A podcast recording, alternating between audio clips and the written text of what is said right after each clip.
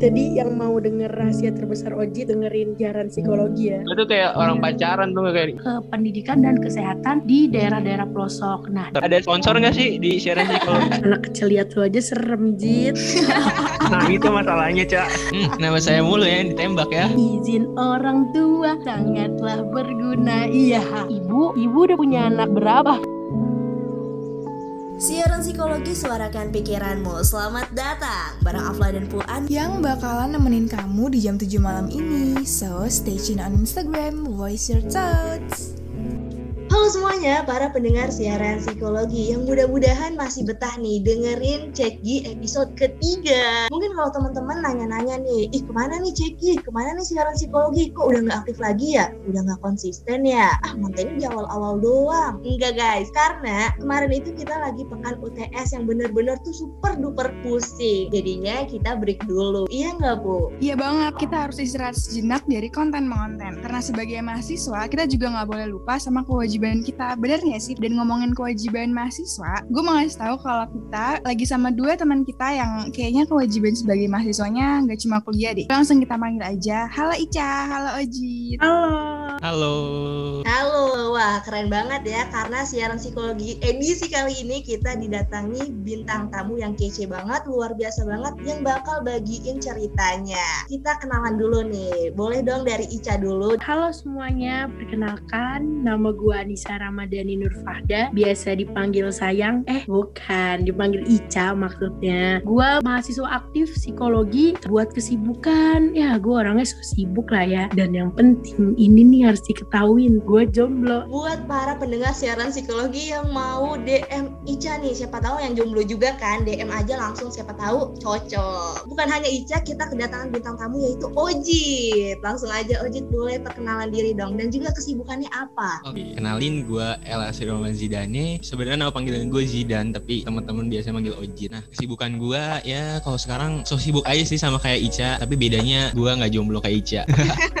Tuh Ca, nggak jomblo. Ih, Ca, gue senang banget Ca bisa masuk siaran psikologi Ca. Iya, makanya Jit, gue juga bahagia temu hmm, dua emak dari siaran psikologi nih, Pupu sama Ocon. Sip. Mantap banget. Kita juga seneng banget loh ketemu dengan dua narasumber kita yang kece banget, apalagi aktif banget nih, bukan hanya kuliah tapi kegiatan-kegiatan yang bermanfaat untuk banyak orang. Iya makanya mereka berdua ini sibuk banget gue sama Konita tertarik buat membahas tentang kesibukan-kesibukannya mereka. Dan kalau gue lihat kayaknya lo berdua tuh suka banget deh volunteer atau mengabdi-mengabdi gitu. Bener gak sih? Awal mulanya gimana deh Jit? Oh, awal mulanya itu sih sebenarnya sih gue emang dari dulu itu belum tahu nih kayak kegiatan relawan-relawan gitu atau volunteer. Ya sebenarnya dari rasa penasaran aja sih, Bu. Akhirnya ya seru juga ya gitu ngejalaninnya. Awalnya tuh kuliah SMA SMP lo nggak belum pernah gitu. Belum, belum pernah. Gue baru kenal volunteer itu ya pas lagi kuliah ini. Kalau gue sih karena dia, Bu. Enggak, kalau gue sendiri dari rasa penasaran sih. Apalagi waktu itu gue lagi maba nih masuk ke dunia volunteer itu, Bu. Jadi Berarti sama-sama pas kuliah? Iya, bener banget. Terus akhirnya gue penasaran nih. Gue coba nih buat daftar dan akhirnya sampai sekarang. Keren banget. Gue waktu itu juga sempat tertarik kan sama dunia perpengabdian gitu. Tapi gue tuh terhambat sama izin orang tua. Tuh berarti kalau Ojit sama Ica sama-sama aman lah ya izin orang tuanya. Sebenarnya gue ada cerita menarik nih, Bu. Singkat Kenapa, aja. kenapa? Dulu pas awal gue masuk, gue boleh sebut mereknya gak sih? Boleh, boleh. Boleh boleh boleh. jadi jadi gue masuk ke salah satu komunitas sobat pengajar. Nah, pas pertama kali gue masuk, ya gue izin sama orang tua gue boleh. Tapi pas di tengah-tengah, tiba-tiba orang tua gue nggak ngizinin, Pu. Kenapa? Ya mungkin karena efek pandemi kali ya Jadi orang tua gue nggak ngizinin buat gue lanjutin kegiatan relawan. Nah tapi akhirnya gue langsung kayak ngeyakinin orang tua gue Gue juga sempat vakum selama tiga bulan. Akhirnya gue baik lagi jadi relawan. Hmm, menarik banget ya, karena kan emang kondisi beda-beda, bisa memprediksi tapi kita nggak bisa menentukan situasi kan ya. Eh, Semoga dengan adanya seperti ini tetap bisa menikmati dan tetap bisa mengabdi. Amin. Nah, Amin. Di sobat mengajar kan juga pasti banyak banget yang ikut ya dan itu pasti harus mempunyai konsistensi yang tinggi. Karena nggak cuma sehari dua hari tapi bisa berbulan-bulan. Nah, gimana sih cara lu konsistensi dalam pengabdian itu? Salah satu yang ngedasarin bisa konsistensi ya Con. Tadi balik sih ke pertanyaan lu yang izin orang tua Karena sesuai lagu Izin orang tua sangatlah berguna. Iya Jadi nyanyi. Itu sih yang bisa bikin gua konsisten di Sobat Mengajar ini. Salah satunya izin dari orang tua gua. Dan uh, hal lainnya itu karena diri gue sendiri sih. Gua seneng yang beneran turun ke lapangan Gua ngeliat gimana sih pendidikan di pelosok Lebak Karena kan si Sobat Mengajar ini tuh fokusnya ke pendidikan dan kesehatan di daerah-daerah pelosok. Nah dari situ sih kalau orang bilang mah nyaman kali ya con. Hmm. Jadi itu yang bisa bikin gue konsisten. Jadi balik lagi ke izin orang tua dan diri sendiri. Gimana Jet? Cara lu memotivasi diri lu biar tetap konsisten gitu? Kalau gue ya, kalau gue itu lebih ke niat di dalam diri gue. Dari awal emang niat gue ya tulus gitu buat ngebantu eh, anak-anak di pelosok sana gitu. Karena kalau kayaknya kalau misalnya bukan karena anak-anak di sana pun kayaknya juga gue tuh nggak bakal ada rasa semangat gitu buat ikut relawana gitu. Jadi emang harus bener-bener niat sih, con. Kalau misalnya mau ikut kegiatan relawan ini. Hmm, nah, karena niat yang baik akan menghasilkan sesuatu yang baik juga. Iya kan? Lo berdua ini pernah ikut relawan-relawan yang lain gak sih? Apa khusus pendidikan aja? Kalau dari gua sering sih ikut kerelawanan gini apalagi di bidang psikologi sendiri tuh gua pernah juga ikut kerelawanan di bidang psikologi. Kalau di sobat mengajar ini sendiri kan yang tadi gua bilang di bidang pikan dan kesehatan tuh. Hmm, Tapi kesehatan karena juga. gua ngerasa Mm-mm. jadi karena gua ngerasa oh basic gue psikologi juga nih, gua ikut juga kerelawanan yang emang basicnya ada psikologinya gitu. Eh tapi tapi tapi nipu, con Ajit. Gue juga mau cerita sih di sobat mengajar ini sendiri juga gua ngerasain ada eh, apa ya ilmu-ilmu psikologi yang bisa gua tuangin. Apa tuh? Contohnya ya kayak ke anak-anak pu. Jadi kan Psikologi kita anak ya? belajar, Nah, psikologi anak. Kita ju- juga belajar psikologi pendidikan dari situ sih pu. Jadi pengaplikasian secara langsung. Hmm, karena emang relevan banget ya antara kemauan lu dan juga pendidikan lu, makanya makin nyaman, asik. Jomblo sih, jadi nggak bisa ngerasain dia nyaman sama dia. Iya. Oh, emang beda sih kalau udah ada yang punya. Lu gimana Con? Udah ada yang punya? Belum. Eh, berarti sesama jomblo nggak boleh saling ngatain. Oh iya ya, kita harus saling mendukung ya sama jomblo. Oh. Kan tadi lu bilang kalau misalnya di uh, sobat mengajar itu kan juga ada aplikasi-aplikasi dari psikologi. Apa sih pengaplikasian yang udah lu lakuin di sobat mengajar itu yang basisnya psikologi? Dari gua ya, kalau dari gua apa sih yang pernah ini realitas di lapangan ya Con yang pernah gua rasain itu kayak halnya gua ketemu anak-anak nih setiap hari kan selama satu bulan penuh waktu gua pengabdian. Nah di situ gue bisa berinteraksi nih sama anak-anak. Jadi kayak ada komunikasi antara dua pihak dan gua ngerasa kayak oh gua tahu nih anak ini belajar secara audiovisual atau mereka secara audio aja dan lain sebagainya dari situ sih. Dan ada juga lagi nih Con, gua nemuin banyak anak yang memang berkebutuhan khusus tetapi belum apa namanya mendapatkan pendidikan yang baik di pelosok sana kayak gitu Con. Mungkin ada cerita yang berbeda dari pandangan Ojit. Iya, eh, kalau dari gua sih hampir sama sih kayak Ica. Karena kan emang satu bulan itu interaksi kita tuh lebih banyak dengan anak-anak gitu. Terutama anak-anak sekolah dasar gitu. Jadi kita belajar betul gitu caranya pendekatan kita ke anak-anak. Gimana sih caranya biar anak-anak tuh nyaman ke kita gitu. Biar anak-anak tuh nggak bosen sama kita gitu. Itu bener-bener belajar banget. Dan nggak cuma ke anak-anak doang di sana pun kita juga sering bakal ketemu sama tokoh masyarakat gitu. Ada gua RT terus ada kepala desa ada kasepuhan juga. Jadi kita kayak eh, bisa dibilang public speaking kita tuh di sana bener-bener diasah gitu langsung terjun di sana gua selama ikut relawanan ini ngerasa sih banyak perubahan gitu contohnya tuh kayak gua ngerasa lebih profesional aja gitu ketika gua ada di relawan ini Wah menarik banget ya. Ini buat jadi pelajaran buat kita juga nih. Kalau misalnya kita terjun langsung, gimana cara kita menanggapi seseorang. Karena kan juga kalau misalnya dalam dunia pendidikan ada stimulus dan respon, iya nggak? bener banget Di mana ketika kita ngasih stimulus dan stimulus itu baik, maka nanti bisa mengeluarkan respon-respon yang kalau misalnya baik ya pasti responnya juga insya Allah baik lah ya. betul betul betul Bener Con, setuju banget. Teorinya siapa nih? Stimulus dan Coba respon. siapa? Ayo, ayo. Siapa tuh? teorinya siapa ya teorinya Ivan, siapa aja Ivan, Ivan siapa tuh Pu? Ivan siapa tuh? tuh? Cuman siapa tuh Ivan Pavlov. Oke, operant Iya. condi- eh classical conditioning ya. Iya, classical respon. conditioning. Buat teman-teman yang mau mengajar bisa banget nih pakai teori ini stimulus dan respon. Siapa tahu bermanfaat. Tapi emang pasti pakai ini sih. Bener banget sih. Rata-rata karena kita emang yang harus Dengan adanya ikut sobat mengajar lebih terbiasa sama anak kecil dong ya. Misalnya di tempat-tempat lain lo ketemu anak kecil, lo jadi lebih bisa menghandle mereka gitu. Ya kalau gue sih nggak bisa menjamin itu, tapi insya Allah bisa gitu. Anak kecil lihat lu aja serem, Jit. nah itu masalahnya cak. Dulu gue gak suka banget anak kecil, tapi semenjak gue turun ke lapangan dan bergabung dengan anak-anak SD, gue ngerasa lebih muda dan berbaur lah sama mereka. Asik. Lucu banget, seneng gak sih dengan ngikut-ngikut kayak gitu kan per orang tuh ada cara buat ngecharge energinya sendiri kan. Kayak misalnya kalau orang yang suka nyanyi, misalnya lagi suntuk banget dia nyanyi. Nah kalau lo berdua, apakah dengan pengabdian gitu menjadi pelarian lo sebagai tempat lo pulang tanda kutip gitu? Suka sini gue nih, Bu. Karena apa ya, pengabdian ketika gue turun langsung nih ke lapangan, itu yang malah jadi menurut gue itu ngecharge semangat gue lagi. Ketika gue ketemu anak-anak, masyarakat di sana, itu yang bikin gue kayak ketika gue lagi ada masalah, asik healing lah ya. Iya, iya. Ngeliat pemandangan keren banget, Bu. Kalau misalkan ya bisa cek Instagram gue ya kalau lu Iya mau gue ya. sering banget, gue penikmat real banget kalau lagi pengabdian gitu mantap. Iya kayak gitu Bu, itu healing banget sih. Mungkin anak-anak psikolog tahu kan ya gimana rasanya lu dapet sesuatu yang bisa jadi healing buat lu gitu. Sebenarnya hampir mirip sih kayak Ica gitu. Emang hampir semuanya gitu teman-teman gua pun yang ikut relawan sobat pengajar ini healingnya dia itu ya ketika dia ngeliat anak-anak di sana ketika dia ngeliat anak-anak senang kita tuh jadi ikutan senang gitu. Awal tuh kita kita bete gitu, tapi ketika ngeliat anak-anak senang tuh kayaknya bahagia gitu hati kita gitu dan ya sampai bosan kita cak bosan gak sih cak ngeliat gunung mulu cak Iya nih. Iya karena emang biar kita bisa apa ya nge-refresh otak kita lagi tuh ya dengan cara kita jalan-jalan gitu di sana gitu ngeliat bukit-bukit gitu. Teman-teman gue yang ngeledekin gue, Jit ah lu storynya gunung mulu Jit, bosen gue Jit. Sampai bosen ya. Iya. Selain ngerasa sehat mental, kayaknya ada yang dapat pacar juga deh ya gak sih? Apa tuh? Gue ngerasa sehat mental banget Bu Con. Lu Iya tahu kan? kan Jason kayak gimana gue kalau di kampus. Eh bercanda bercanda. Itu emang ngerasa banget. Itu healing paling the best menurut gue. Apalagi Oji kan ada nilai plusnya Con Bu. Ada plus-plusnya, tahu tuh gue.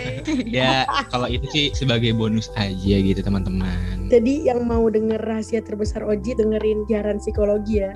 Eksklusif.